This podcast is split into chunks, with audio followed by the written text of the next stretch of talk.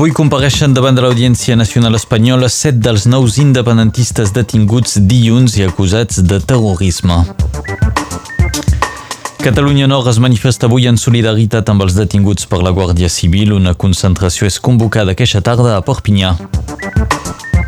Cada setmana hi ha una catàstrofe natural degut a la crisi climàtica, ho afirma l'Organització de les Nacions Unides i nos ho explicarà l'Albert Noguer.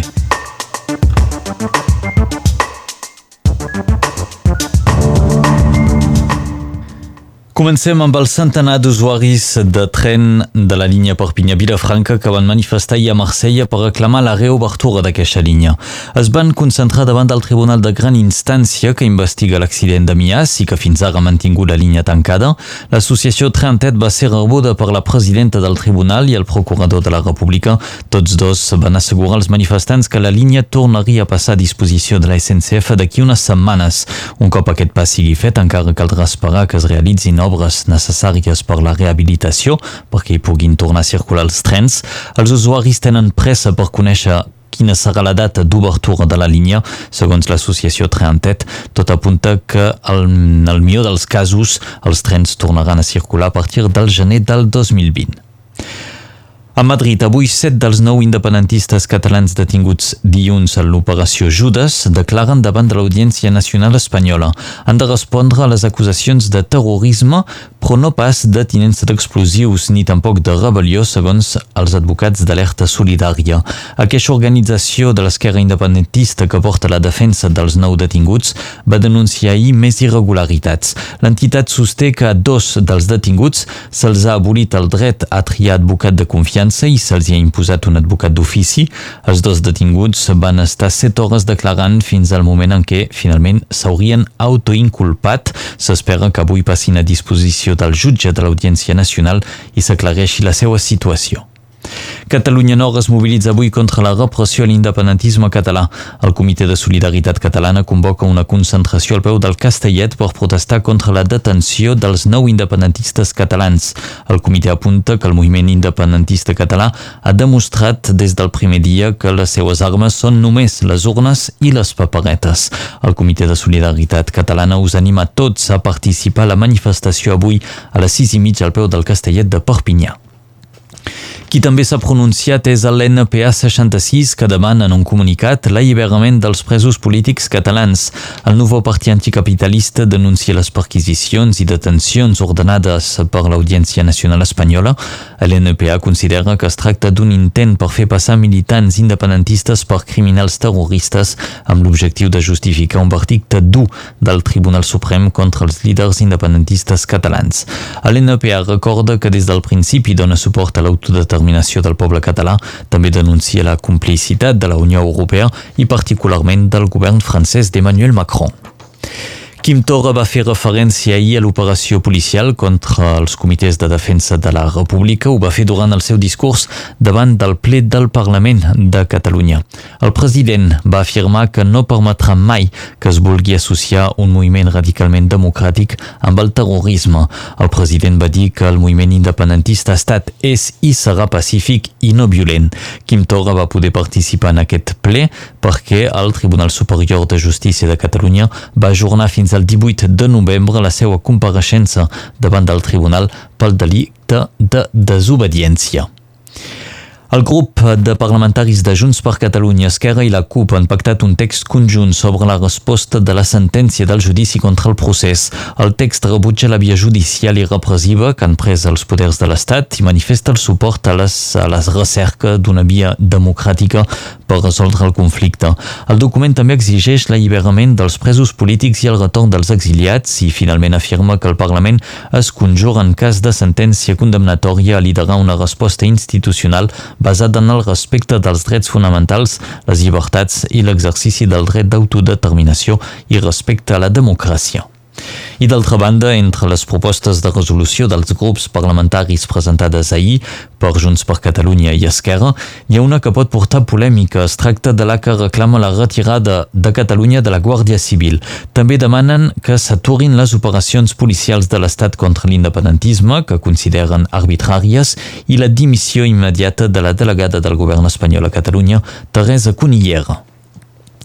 I el Tribunal Suprem espanyol ha concedit un permís de dues hores a l'expresidenta del Parlament Carme Forcadell per sortir de la presó per visitar el seu net que acaba de néixer. Forcadell segueix en presó preventiva a l'espera de la sentència del Tribunal Suprem en el judici del procés en què la Fiscalia demana per ella una condemna de 17 anys de presó per un delicte de rebel·lió. Passem ara a la informació nord-catalana amb aquesta vaga dels treballadors de la posta al Molí de Vent, una vaga que ha estat suspesa a l'espera d'unes negociacions amb la direcció, una negociació prevista per demà. Ahir, prop del 70% del personal va fer vaga en tres oficines de correus d'aquest sector del Molí de Vent a Perpinyà. Els vaguistes reclamen que es mantinguin les hores d'obertura dels centres de la posta dels barris de les Coves i de Sant Galdric. També volen que torni a obrir la posta de la Porta d'Espanya a la tarda i que s'ajorni el projecte de reorganització fins d'aquí a un any. L'any 2016 naixia la polèmica regió Occitanie. Aquesta fusió de diverses regions s'anunciava com una gran mesura per estalviar despeses de funcionament, unes despeses que ja es pot dir que doncs no s'han estat estalviades, aquesta promesa no s'ha complert. El secretari d'Estat encarregat de la reforma territorial anunciava 10 miliards d'estalvis a mig termini. L'acord de comptes acaba de publicar un informe que demostra que estem molt lluny d'aquesta xifra. Segons el document, els gastos de funcionament de la regió Occitanie han augmentat d'un 11,7%, una de les pitjors xifres a nivell de tot l'Estat. Segons l'Organització de les Nacions Unides, cada setmana hi ha una catàstrofe natural degut a la crisi climàtica. Aquesta situació ha preocupat l'organització que afirma que encara que aquests desastres no acaparen l'atenció internacional han de ser suficients perquè els països en desenvolupament es preparin pels eh, profuns impactes que vindran. Nos ho explica avui l'Albert Noguer. Catàstrofes que fan víctimes mortals i afecten centenars de milers de persones generen milers de titulars en la premsa internacional, però cada dia es produeixen eh, en el món el que molts consideren com esdeveniments sense importància, tot i que l'ONU recorda que també causen morts o desplaçaments forçats, però són massa pocs perquè apareixin a cap notícia. El cost estimat dels desastres relacionats amb el clima suma ja més de 460 bilions d'euros cada any, mentre que el cost destinat a la construcció d'infraestructures resistents als efectes de l'escalfament global per als pròxims 20 anys és d'un total de 2,40 bilions d'euros. Si actualment el cost destinat a la construcció d'infraestructures no és elevat, és senzillament perquè els inversors no estan fent prou. Per això l'ONU avisa que la gent haurà d'acabar pagant per poder-se adaptar al que vindrà concretament per preparar-se als pròxims impactes generats per la crisi climàtica, s'haurien de remodelar les xarxes d'habitatge, les carreteres, els trens, les fàbriques i les xarxes de subministrament d'energia i aigua perquè siguin menys vulnerables als efectes d'inundacions, sequeres, tempestes i temperatures altes. Tot això té un cost, però el cost de no fer res seria molt més elevat i més si es fan aquestes inversions, finalment generaran beneficis. Moltes gràcies, Albert Noguer. I recordem que per demà divendres s'ha convocat una vaga climàtica. Aquesta mobilització exigeix als governs accions immediates contra el canvi climàtic. La vaga de demà s'amarca en una setmana internacional d'accions a favor del clima. I acabem amb una descoberta arqueològica excepcional a les Balears. S'ha descobert una espasa vella de 3.200 anys al talaiot del Serral de ses Abelles al municipi de Puigpunyent, a l'illa de Mallorca. La troballa s'ha fet per casualitat en un indret en el qual ja s'hi havien fet recerques. L'espasa va ser descoberta en bon estat de conservació al costat d'un megàlit. Segons els experts, l'arma data de l'època talaiòtica, una etapa cultural que es va desenvolupar a les Illes Balears durant l'edat de bronze i l'edat de ferro. L'espasa serà conservada al Museu de Mallorca on el públic la podrà observar.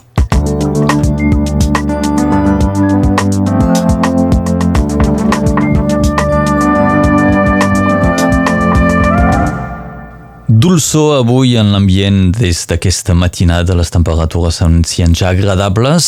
A veure si ens ho confirma ara mateix la Laura Bertran amb la previsió del temps.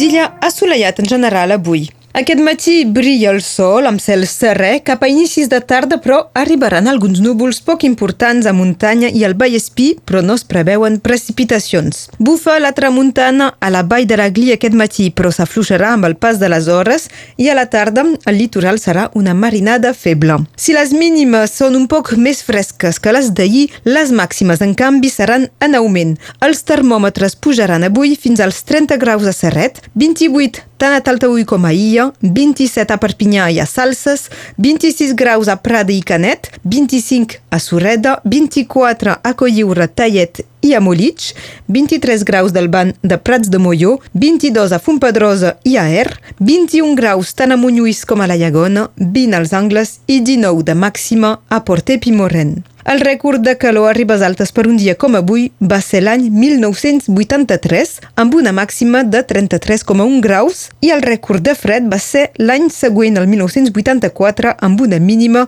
de 6,2 graus. Aquest dijous som el Dia Europeu de les Llengües i el Dia Mundial de la Contracepció. El sol es pondrà a les 19 i 39. A partir d'avui, les nits passen a ser més llargues que els dies. A notar també que som el dia de Sant Cosme i Damià, patrons dels metges i farmacèutics, i de Santa Justina.